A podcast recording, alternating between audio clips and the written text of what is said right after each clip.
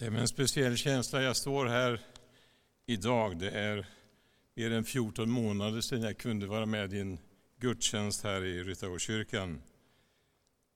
Och eh, det är med tacksamhet att Herren har varit med de här, den här tiden med oss alla, vi som har fått hålla oss hemma i många månader. Och snart så öppnar det sig för att vi ska få mötas många fler sedan. Nu vill jag läsa dagens text som är Andra Timoteusbrevet kapitel 1, där aposteln Paulus skriver. Det står så här. Från Paulus, genom Guds vilja, Kristi Jesu apostel, enligt löftet om liv i Kristus Jesus, till hans kära barn Timoteus. Nåd och barmhärtighet och frid från Gud, Fadern och Kristus Jesus, vår Herre. Jag tackar Gud som jag, liksom mina förfäder, tjänar med rent uppsåt och minns dig ständigt i mina böner, dag och natt. Jag minns dina tårar och längtar efter att få se dig igen för att fyllas av glädje. Jag har blivit påmind om den uppriktiga tro som finns hos dig och som fanns redan hos din mormor Louise och din mor Evnike jag är viss om att den finns också hos dig. Därför påminner jag dig om att du ska blåsa liv i den nådegåva från Gud som finns hos dig sedan jag lade mina händer på dig. Ty Gud har inte gett oss modlöshetens ande utan kraftens, kärlekens och självbesinningens. Skäms alltså inte för vittnesbördet om vår Herre och inte heller för mig som är fånge för hans skull utan lid för evangeliet du också med kraften från Gud. Han har räddat oss och kallat oss med en helig kallelse, inte på grund av våra gärningar utan genom sitt beslut och sin nåd som han skänkte oss i Kristus Jesus redan före tidens början men som har blivit uppenbar nu när vår frälsare Kristus Jesus trätt fram han har utplånat döden och dragit liv och oförgänglighet fram i ljuset genom evangeliet, för vilken jag har satts att vara förkunnare, apostel och lärare.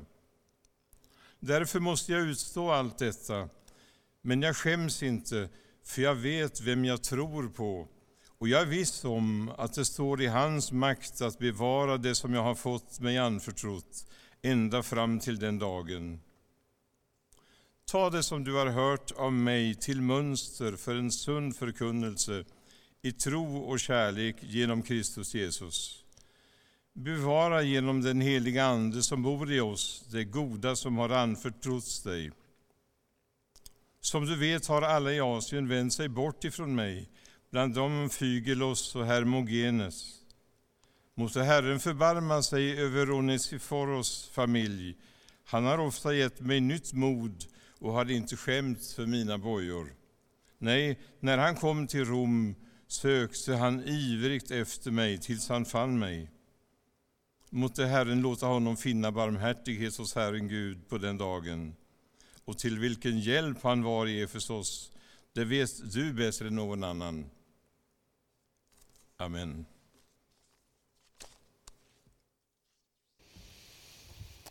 Fantastiskt. Stort tack Kenneth.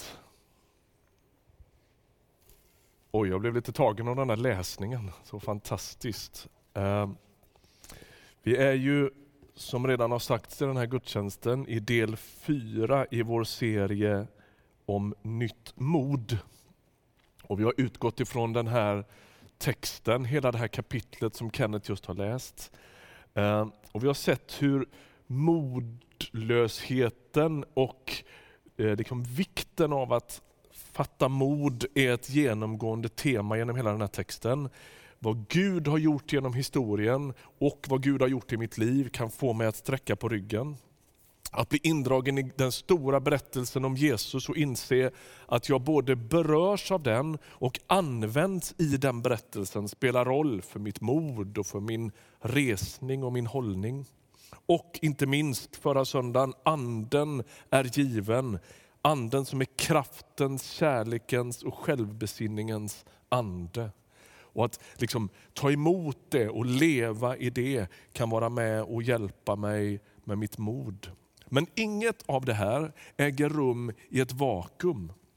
Det är slående hur Paulus i slutet på den här texten säger om Onesiforos att han har gett honom nytt mod. Det står väldigt upp, tydligt och klart så. Va? Det är viktigt för Paulus med relationerna. Och Hela det här brevet är ju ett, ett exempel på hur den lite ensamme och kanske modfällde Timoteus behöver Paulus för att få bukt med sin modlöshet. Det sker inte ensam i någon slags vakuum förpackning Utan, utan det är relationen med Paulus som modet återvänder. Det är avgörande att ha människor in på sig som stärker mitt mod, som håller tron levande och som hjälper mig med perspektiven. Låt oss stanna lite vid den här Onesiforos. Paulus har ju alla kristna koll på. Vi vet vem han är. Men vem är den här andra killen? Vi blir till och med lite osäkra på hur man ska uttala hans namn. Jag har provat med alla betoningar i de här stavelserna som finns och är fortfarande inte helt säker. Vi vet ju nästan ingenting om den här killen. Men tänk om det är så att Onesiforos förmåga att styrka Paulus mod var mer avgörande än vi först fattar. Paulus är så, är så liksom tydlig med att han hade inte orkat om inte det vore för en doldis i urkyrkan som vid avgörande tillfällen har stöttat den stora aposteln och liksom varit honom till hjälp. Han omnämns här och Han omnämns lite senare i samma brev, vi kommer till det om en stund. Och Båda gångerna så nämns Onesiforos i samband med sin familj. Det här verkar vara allt annat än en enstöring. Hans liv definieras i mångt och mycket av hans nära relationer. Och För kristna i ett av de mest individualistiska samhällen som finns så är det ju viktigt att få höra att Gud betjänar oss genom varandra. Du vet texten där det står att där två eller tre är församlade i mitt namn, där är jag mitt ibland dem. Det är liksom ingen så här, kod eller formel för liksom, ja, men nu gäller det att räkna in här så att Gud verkligen är här. Utan det där är ett slags sätt att beskriva hur Gud på ett särskilt sätt bekänner sig till den kristna gemenskapen. Kristen tro levs i relationer. Man formas i relationerna. När du ber Gud om att han ska göra dig lite mer Jesuslik så är det inte osannolikt att han sänder en människa i din väg som du har lite svårt för. Därför att man formas och man utvecklar goda egenskaper i relationer som i sig kan vara ganska svåra och ganska utmanande. Låt oss stanna vid ett par olika texter till, bara för att se hur Paulus själv jobbar med det här. Apostlagärningarnas 20 kapitel och från vers 1 så står det så här. Vi kommer in mitt i en eh, ganska dramatisk dramatiskt skeende som det ofta är i Apostlagärningarna på en av missionsresorna. Och Det står i vers 1 i kapitel 20 så här. När oron hade lagt sig kallade Paulus till sig lärjungarna och intalade dem mod. Här har vi det igen. Därefter tog han farväl och bröt upp för att resa till Makedonien.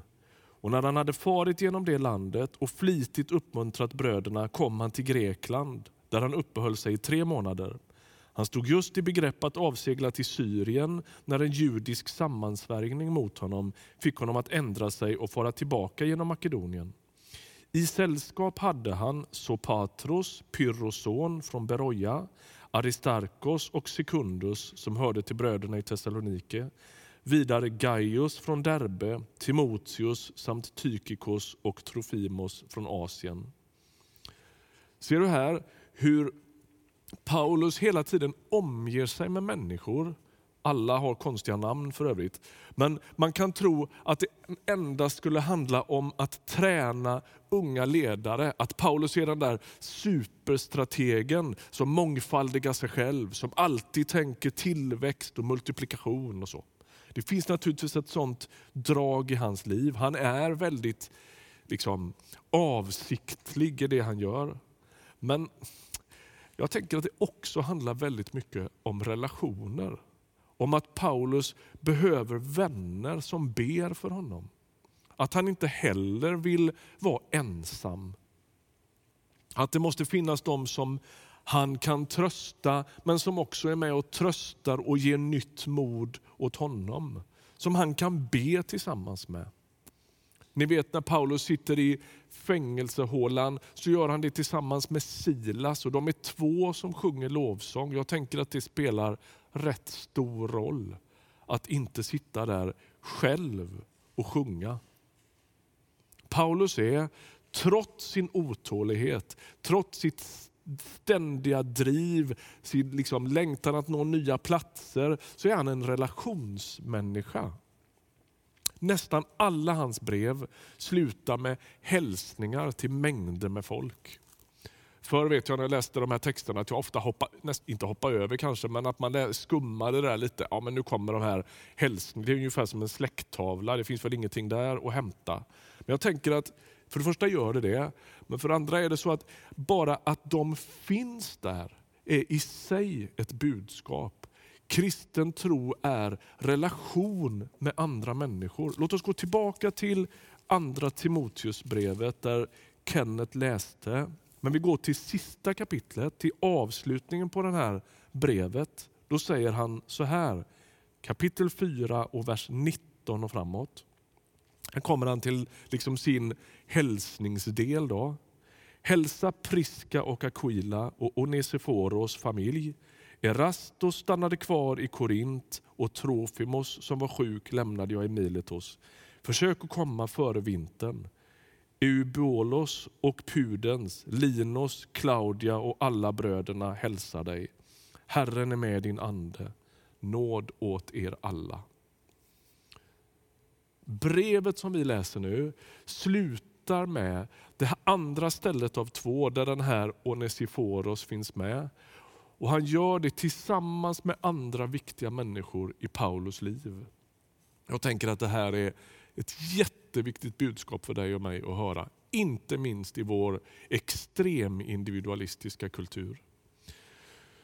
Försök att liksom läsa bibeltexterna med två olika ögon. Det ena är liksom ett slags jag-perspektiv. Texten har alltid med mig som individ att göra. Men det andra är ett ständigt vi-perspektiv. Jag ställs in i ett sammanhang där jag relaterar till andra människor och Gud bekänner sig på ett alldeles särskilt sätt till sitt folk. Kristen tro beskrivs i Bibeln som kroppen med de olika kroppsdelarna eller hushållet eller, eller familjen. Eller liksom, det, det är ständigt de här kollektiva bilderna. Fårjorden. Det är avgörande att vi lever våra kristna liv tillsammans. När Paulus tappar modet så är det denne Onesiforos som har fått honom att hitta det igen. Tänk på Jesus i Getsemane. Du vet den här historien. Det närmar sig, liksom, hela påskdramat har dragit igång i, i Jerusalem. Och Jesus han går ut med några av sina lärjungar i Getsemane örtagård och så ber han att de ska stanna där, vaka och be tillsammans med honom. Och, och De somnar hela gänget. Jag tänker att den där texten inte är ett betyg på någon slags lärjungarnas efterföljelse eller någon slags fråga om att det ska delas ut några andliga poäng. Jag tänker att det helt enkelt är så här att Jesus känner sig ensam och gemenskapen sviker honom i skarpt läge. Så kan det nämligen också vara. Bibeln är liksom häpnadsväckande realistisk i de här frågorna. Det är inte någon slags idealistisk, skönmålad, vacker bild av att gemenskap alltid funkar perfekt. Utan Bibeln har ju minst lika många berättelser om den svikande gemenskapen som den som ger mod. Tänk dig en scen i himlen så småningom när någon frågar, var det någon som kände att den kristna gemenskapen svek någon gång under din tid på jorden? Och du sitter med där och räcker försiktigt upp handen. Ja, det var jag nog med om faktiskt. Och så ser du att de som är runt omkring dig, de har gjort likadant. Och så sträcker du lite på dig och tittar där borta och så ser du apostlarna som också räcker sin hand och känner, ja, gemenskapen höll inte alltid vad den lovar. Sen blir det alldeles tyst i himlen. Därför att också han som sitter på tronen har rest sin hand. Ibland är kyrkan det vackraste man kan tänka sig. Det där som ger mig nytt mod. Men ibland har man all rätt att faktiskt uttrycka besvikelse över kyrkan. Den håller inte alltid vad den lovar. Jag tycker det är viktigt att få säga det. Du som sitter hemma där och tänker, ja det är lätt att stå där i kyrkan och säga något om hur väl vi behöver varandra. Det är inte alltid det funkar. Jag vet det. Men Jesus överger inte sin kyrka efter att den svikit, utan han fortsätter att älska den. Han fortsätter att bekänna sig till den. Därför att det är till sist ändå så, mitt i allt som inte riktigt är på plats, att den, den, den kristna vandringen går inte att gå ensam. Man kan inte lösa detta själv. Igår röjde jag lite i trädgården och så plockade jag rent i, ett, i en ja, ett buskage där, där ganska mycket hade dött. Jag vågar mig inte på säga vad det var för blommor, jag vet faktiskt inte det. Men, men då, då så rev jag ihop en rad såna här döda kvistar och så skulle jag bryta dem på mitten för att lägga dem i en eh, korg. Och insåg att inte det går. Man måste dela på de här om man ska kunna bryta en sån här pinne. Tar man en sån här så är den ju inte särdeles svår att bryta. Men om man lägger dem tillsammans så är de i princip omöjliga att knäcka. Man kan inte... Säga, när man distanserar sig från den här bunten, hur skruttig den än kan se ut, så blir man ganska sårbar. Men när man håller sig intill den här lite halvskruttiga bunten så blir man mycket svårare att knäcka. Och Jag tänker att det är precis det här som händer när man blir del i en kristen gemenskap.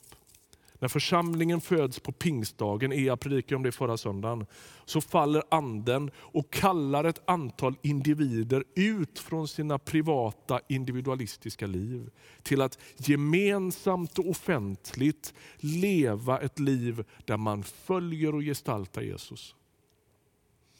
Man syns bättre, man orkar mer, man styrker varandras mod och man knäcks inte särskilt lätt.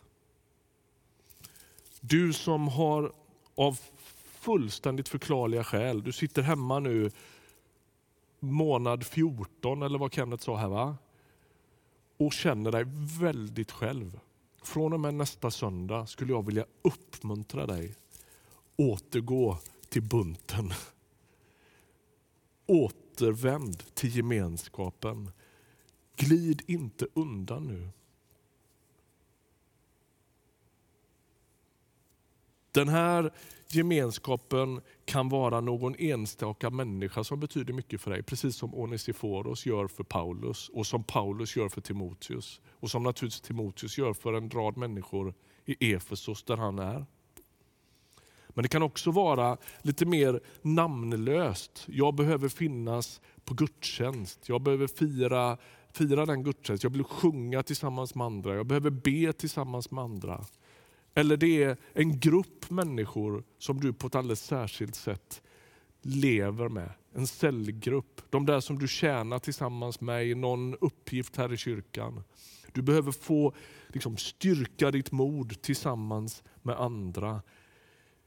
Den där lilla rösten hos dig just nu som säger, äh, jag vet inte, jag kanske inte liksom tar mig tillbaka dit. Tröskeln känns lite hög efter alla de här månaderna. Lyssna inte på den rösten. Återvänd i Jesu namn. Därför att det är här livet levs. Hur fnöskigt och skruttigt det än kan verka ibland. Så är det här livet som liksom, där, där, där den, de enskilda delarna styrker varann och blir relativt starka tillsammans. Vad är det i ditt liv som gör att du inte tappar tron? Hur ser din bunt ut som gör att du inte kan brytas i tu? Och Nesiforos har gett mig nytt mod. Amen. Ska vi be tillsammans? Herre Jesus, tack för alla mina bröder och systrar som hör till den här gemenskapen. Tack för att du har skänkt oss till varandra. Tack för att vi får leva våra liv i gemenskap. Vi, vi, vi, kan ana att vi är mycket mer individualistiska än vi själva riktigt ser och förstår. Vi ber att du skulle ta oss vid handen och leda oss in i ett liv tillsammans, mitt i alla bristerna, mitt i det som kanske kunde varit bättre. Hjälp oss att ge oss åt varann. Bota vår rädsla. Bota vår skam som gör att vi drar oss undan. Och Herre, styrk vårt mod. Använd oss till att styrka varandra. Använd mina vänner till att styrka mitt mod. Herre, hjälp oss att följa dig, lyda dig och gestalta dig tillsammans. I Jesu namn. Amen.